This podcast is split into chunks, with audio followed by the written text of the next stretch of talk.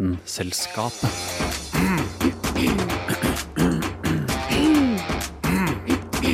Vitenselskapet. Velkommen til en verden der det skjelnes mellom ekte viten og innbilt viten.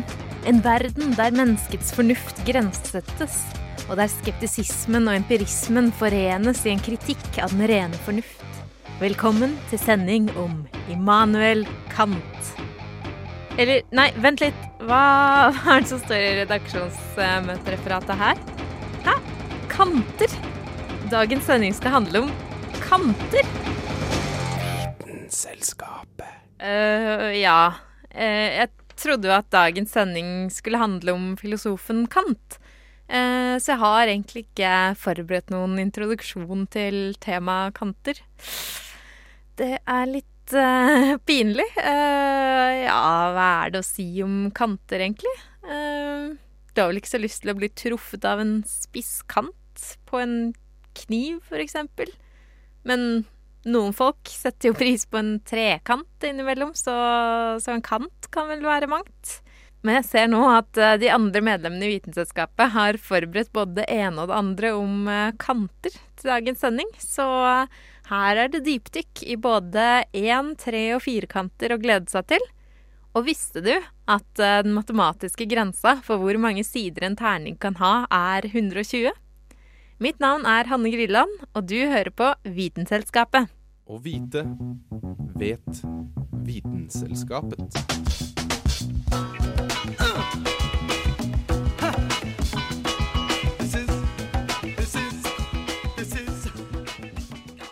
Det er ikke så ofte vi hører om enkanter. Når man tenker over det, er enkanter kanskje bare et annet ord for prikker? Eller uansett, Vitenselskapet har et modig redaksjonsmedlem som tok utfordringa og har trådt inn i enkantens verden.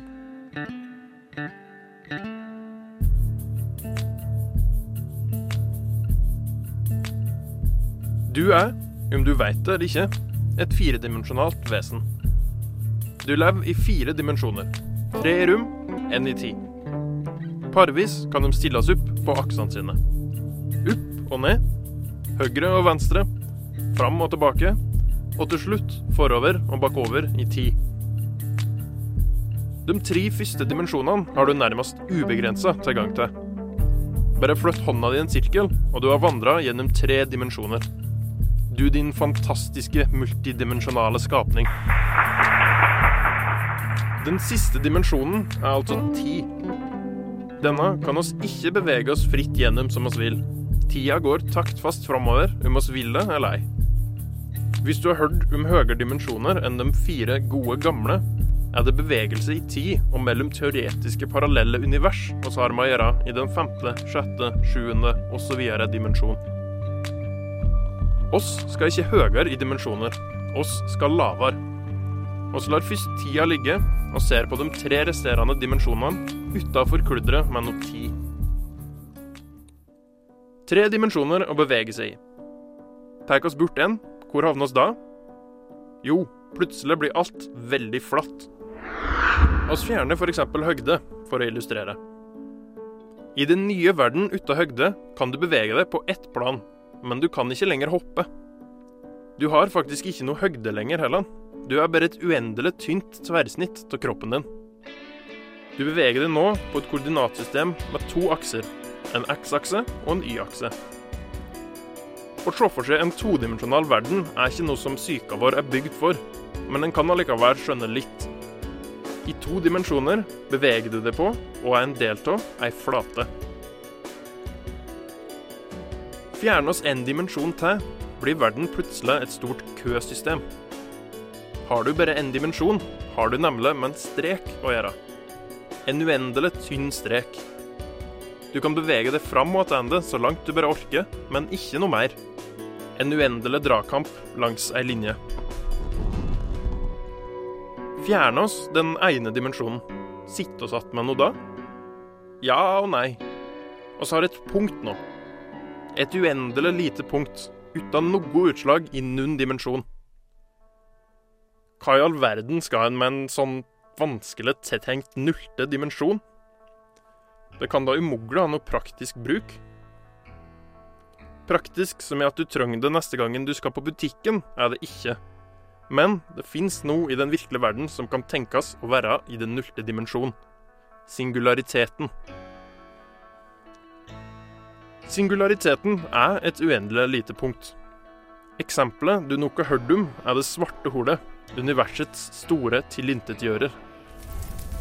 Her komprimeres masse og energi til et punkt som, fordi det er uendelig lite, og har uendelig stor massetetthet. Ingenting kan komme seg unna de svarte hullene, ikke engang ljos. I dette uendelig vesle punktet blir alt dratt inn i den nullte dimensjon. Tida, som er vevd sammen med de tre andre dimensjonene i det oss kaller romtid, blir òg knust i singulariteten. Denne prikken skaper en del huggebry for fysikere. Naturlovene funker ikke på et uendelig lite og massetett punkt. Men like fullt skal singulariteter finnes. Singulariteter kan tenkes å ha både null, en, to eller flere dimensjoner. I strengteori er kosmiske strenger en form for endimensjonal singularitet. Strengen er uendelig tynn og har derfor bare lengde å definere seg ut ifra. En enda rarere singularitet fra strengteorien er det som kalles domain walls. Denne er todimensjonal, som veggnavnet tilsier. Disse veggene skal være en slags verdens ende, der veggen er stopperen for alt. Dette er kompliserte greier, og nevnes her bare for moro skyld. Skulle jeg sett meg inn i strengteori for å forklare nærmere, kunne jeg nok brukt et par år på å få ferdig den saken her. Vår kjære singularitet er altså dimensjonelt utfordra, kan vi vel si. Hvis vi holder oss til den enkle singulariteten uten dimensjoner, og skal gi den et navn, kan vi kanskje kalle den nullkant, siden den ikke har noen kanter eller dimensjoner. Fell fysikkens lover sammen, virker det fort litt rart å skulle bruke geometri for å navngi. Konsept, slik oss kjenner dem, forsoner seg vanskelig med nullkanten.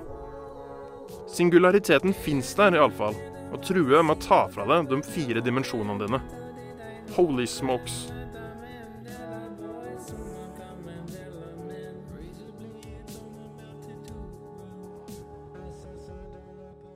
Det modige redaksjonsmedlemmet som utforska fenomenet singularitet, heter Carl Adams Kvam.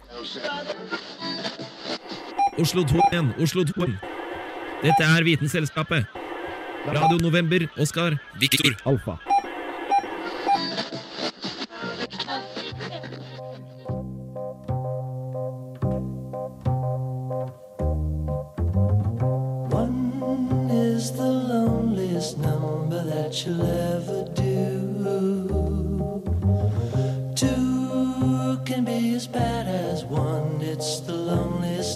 Number since the number one.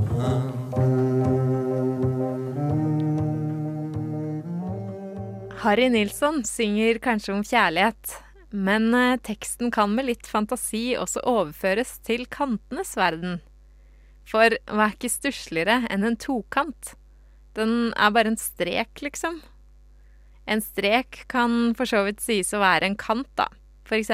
kanten på en eh, infinity pool i Singapore. Eller eh, kanten på den kinesiske mur. Selv om den kanskje er litt mer ruglete enn en rettstrek. Apropos eksotiske strøk og kanter, forresten.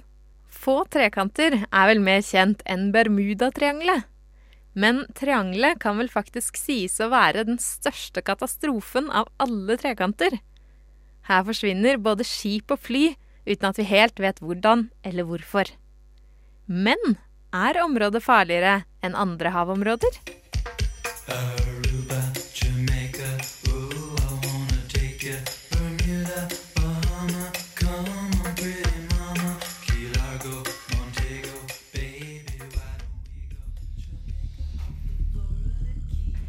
Hva er det egentlig med Bermudatriangelet? Det er et område, et trekantforma område, 2,5 million kvadratkilometer mellom Florida, Puerto Rico og Bermuda, der fly og skip tydeligvis forsvinner helt sporløst. Vi kan ikke helt konkret finne forklaringa på hvorfor det forsvinner så mange i Bermudatriangelet. Men det er ingen grunn til å frykte dette området mer enn andre. Sånn bortsett fra at eh, havriket Atlantis ligger under havgapet og drar ned skip og fly, finnes det trolig flere årsaker, eller vi kan si andre teorier. En teori når det gjelder hvorfor flyene forsvinner, er at kompassnåla ikke peker mot Nordpolen, men mot den magnetiske Nordpolen, noe som i dette området utgjør en stor forskjell. Det kan forklare at fly har kommet ut av kurs og gått tom for drivstoff, men det sier jo ingenting om båtene som forsvinner her. Det finnes andre teorier som støtter på det at det tropiske havet kan plutselig rammes av kraftig lokalt uvær, f.eks. såkalte skypumper. Og en som er mer interessant, er jordskred på havbunnen som medfører til kjempeutslipp av metangass som gjør havet fullt av bobler, og som fører til sterke strømninger i forskjellige retninger. Ved en lav temperatur og høyt trykk vil en blanding av vann og metan kunne føre til en såkalt metanis. Den er ofte stabil, men hvis det kommer sånne underjordiske skred, så kan gassen frigjøres, og skip kan faktisk synke i boblefylt havvann. Ja, Nå har vi nå en forklaring på hvorfor både fly og båter kan forsvinne, men det betyr fortsatt ikke at det er noe sensasjon at det er ulykke akkurat her. Journalister i vitenskap.dk har gått gjennom ulykkene som har vært i Bermudatriangelet, og ellers ser ikke at det er noe, registrert noe flere her enn andre plasser. Og dette er spesielt siden 1970-tallet, som også var ei tid hvor vi fikk satellittene på plass. Forskere ved Southampton Solent University har også gjort en grundig studie av vitenskapelig litteratur og forhørt seg med forskjellige forsikringsselskaper.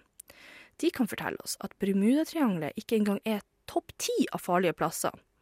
Til daglig reiste mange over denne trekanten, og de ulykkene som skjer, er trolig noe man kan forvente seg med en plass med så stor trafikk. De farligste områdene i verden når man ser på skipsulykker og forsvinninger, er faktisk Syd-Kina-havet. Og det er faktisk samme plass som har mista radiokontakt med Malaysia Airlines flight 370, sier forskning.no. Så egentlig er man ikke trygg noen plasser over havet, hvis man kan si det sånn. Men det er ingen grunn til å tro at Bermudatriangelet er farligere enn andre. Så får du ha en god tur.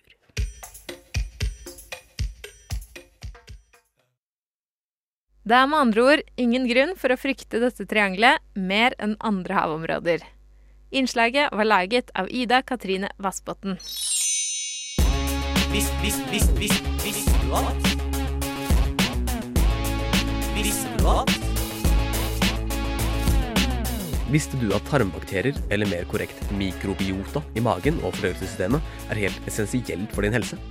De hjelper til med å fordøye maten på flere ledd av fordøyelsesprosessen, og hjelper immunforsvaret med å være intakt. I magen har du flere trillioner mikrobiota. Flere bakterier enn du har celler i kroppen. Visst, visst, visst, visst, visste du at?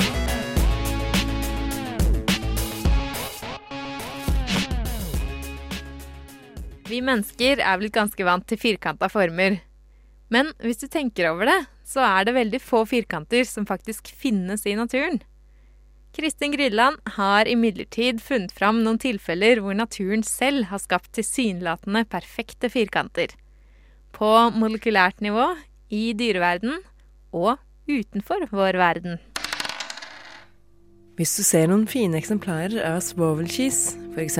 på Geologisk museum, kan du ved første øyekast tro at det er svindel.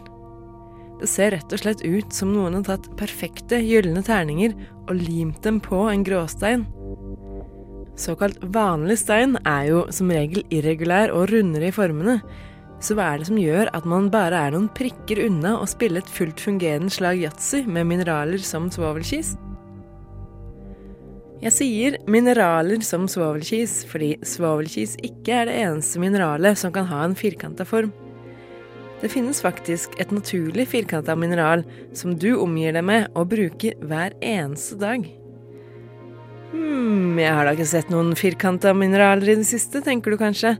Men disse firkantene er så små at du må se veldig, veldig nøye på dem for å se det, og aller best ser man formen gjennom et mikroskop. Jeg snakker nemlig om halitt, aka NaCl, aka vanlig bordsalt. Jepp, salt er nok den naturlige firkanten vi mennesker bruker absolutt mest av. Og grunnen til at det kommer i bitte små firkanta krystaller, er ikke overraskende den indre strukturen. Det som skjer i mineraler som salt og svovelkis, er at molekylene legger seg i et rutenett. Når salt bygges opp, har man enkelt sagt et Cl-ion i midten og fire Cl-ioner i hvert sitt hjørne, med et Na-ion imellom hver av Cl-ionene. Det høres kanskje litt vanskelig ut, men basically betyr det at disse ionene former en firkant, som så kan stables med andre like firkanter og bli til mineralet vi kaller salt.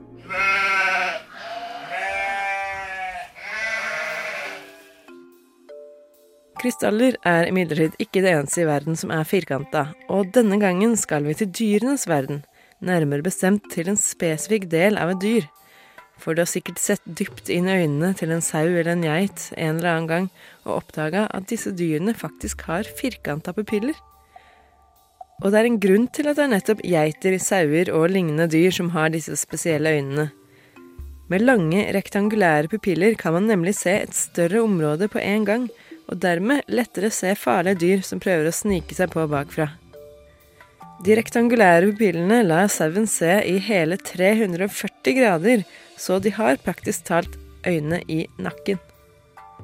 Når et menneske, som jo har runde pupiller, ser, vil det vi ser rett fram, være skarpest, mens sidesynet er litt mer uklart.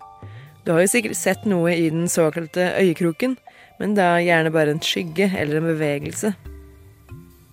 For en sau vil denne øyekroken ikke bare være større, men også skarpere.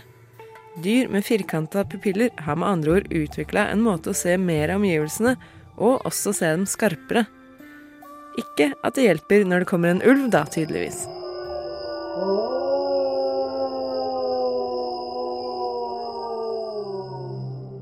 Vår siste naturlige firkant er litt av et mysterium, rett og slett fordi det ikke er noen som vet hvorfor den ser firkanta ut. Fenomenet heter Red Square Nebula og er en stjernetåke som omringer den aldrende stjerna med det catchy navnet MWC 922. Denne røde tåka er gigantisk og tilnærma perfekt firkanta, og så vidt vi mennesker har sett, er den også den eneste med akkurat denne formen. Men hvorfor ser den firkanta ut? Det er spørsmålet forskerne stiller seg, og de har selvfølgelig en mengde teorier. Den mest populære teorien er at lyset vi ser fra den døende stjerna, slynges utover i to kjegler. Du kan jo tenke deg at du har to sånne trafikkjegler og holder dem mot hverandre, spiss mot spiss. Hvis du ser denne formen fra sida, vil hele formasjonen bli en slags firkant. Formen på stjernetåka er med andre ord et resultat av at vi ser den fra en viss vinkel, og har ingenting med formen på selve stjerna å gjøre.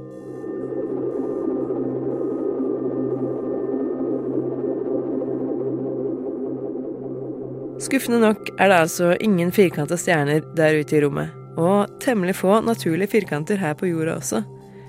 Men vi kan jo trøste oss med at vi i det minste kan krydre maten vår med bitte, bitte små firkanter.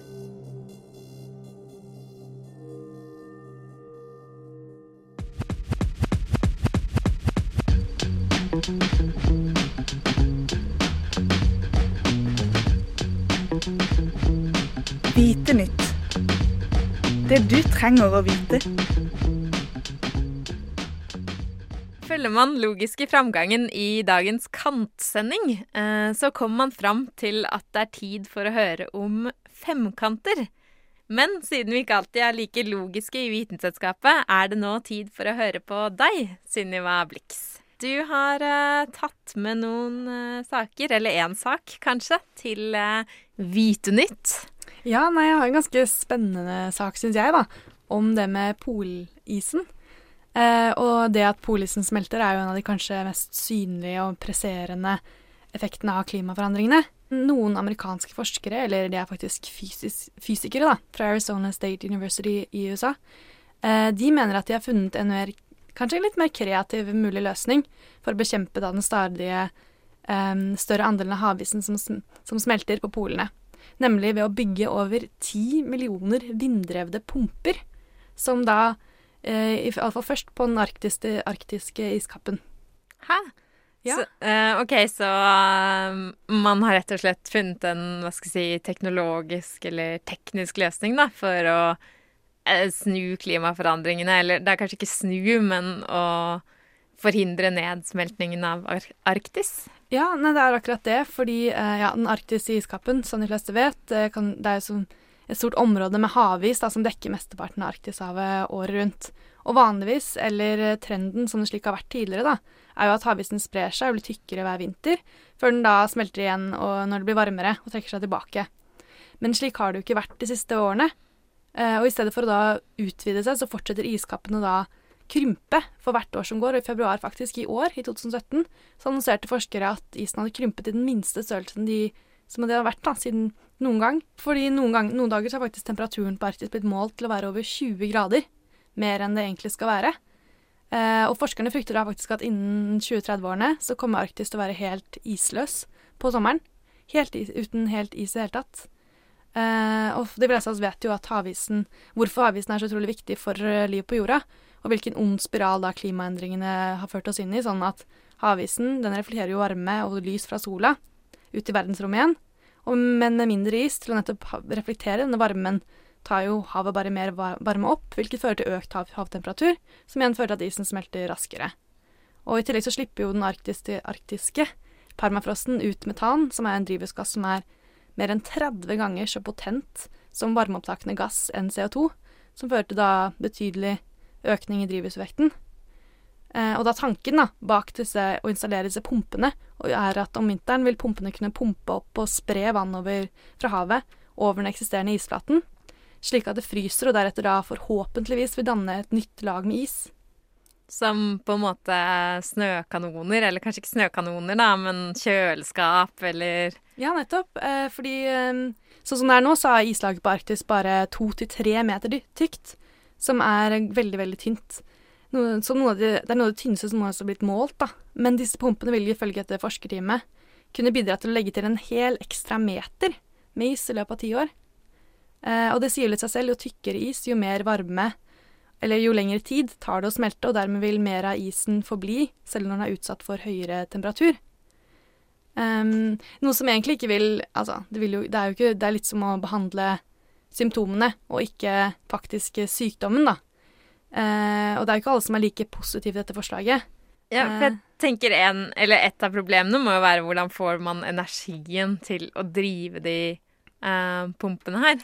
Ja, nettopp. Tanken er jo at det skal være vinddrevet. At det skal være altså da, fornybart. Slik at du ikke faktisk behøver å bruke Det hadde jo vært ironisk om du skulle bruke fossile, eh, fossile brensler for å drive disse pumpene. Eh, og man er jo ikke helt sikker på om de ville funke engang i et så kaldt klima som Arktis er. Og dessuten så er man ikke helt sikker på Man har ikke utredet engang hvorvidt eh, hvordan slike pumper faktisk vil påvirke miljøet eller om dyrelivet da, rundt på Arktis. På den annen side så vil jo disse, dette prosjektet kunne potensielt spare trilliarder av kroner, både norske og dollar for så vidt. Og så vil, kan man faktisk også spare Man kan jo spare en del planteliv, dyreliv, om det er suksessfullt. Uansett uh, løsning så får vi håpe at uh, iskanten slutter å trekke seg tilbake. Ja, vi får krysse fingrene. Visst, visst, visst, visst, visst du at? Visste du at? Visste du at Russland har en større overflate enn Pluto? Russland er ca. 17 millioner kvadratkilometer, mens Pluto er ca. 400 000 kvadratkilometer mindre. Det er med andre ord kanskje ikke så merkelig at Pluto ble klassifisert som dvergplanet i 2006. Visst, visst, visst, visst, visste?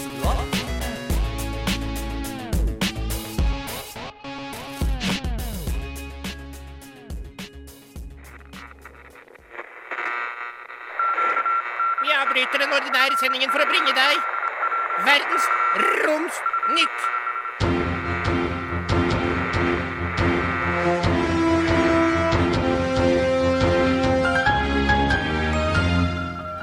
Showing!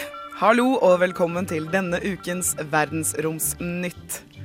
I dag, på denne dag, ble den engelske astronomen sir John William Frederick Herschel født i 1792.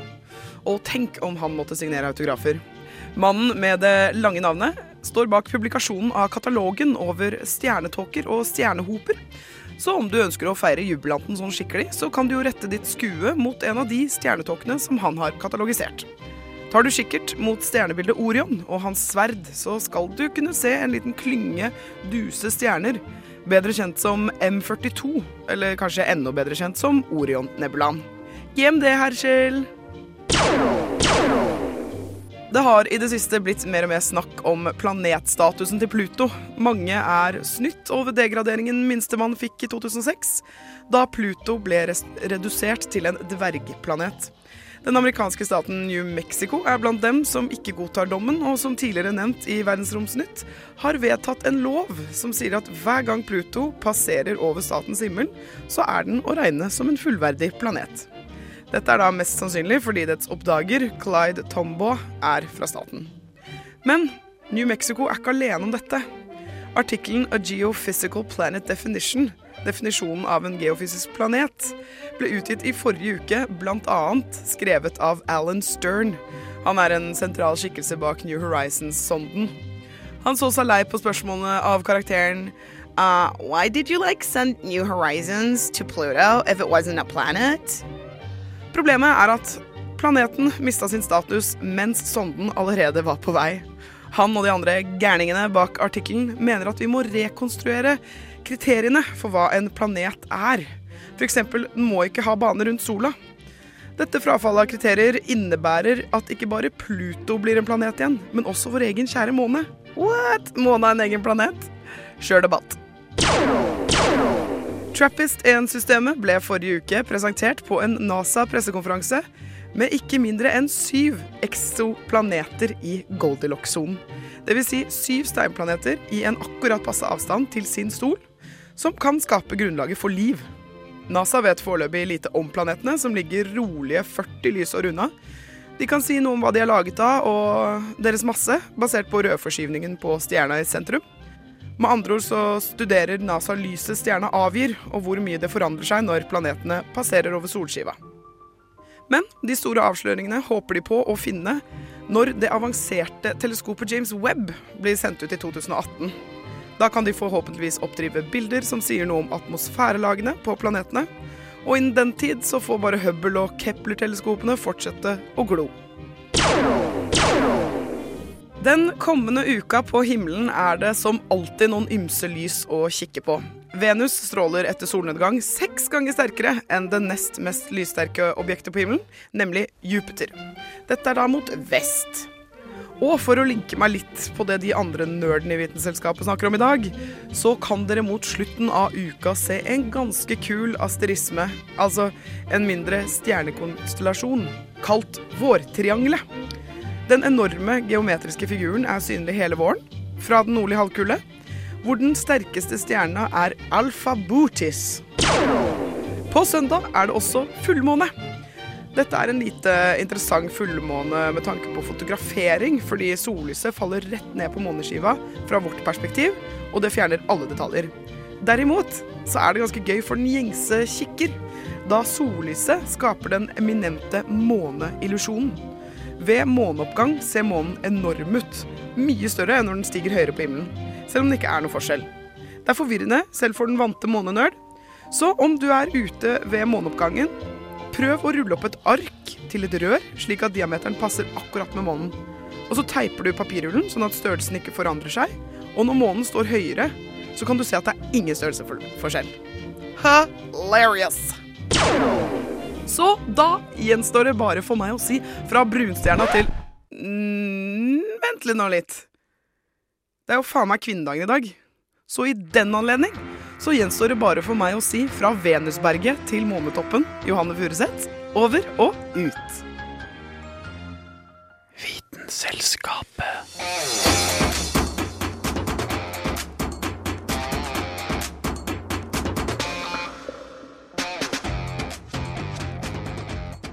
Er du like overraska som meg over at det finnes så mye interessant å si om temaet kanter?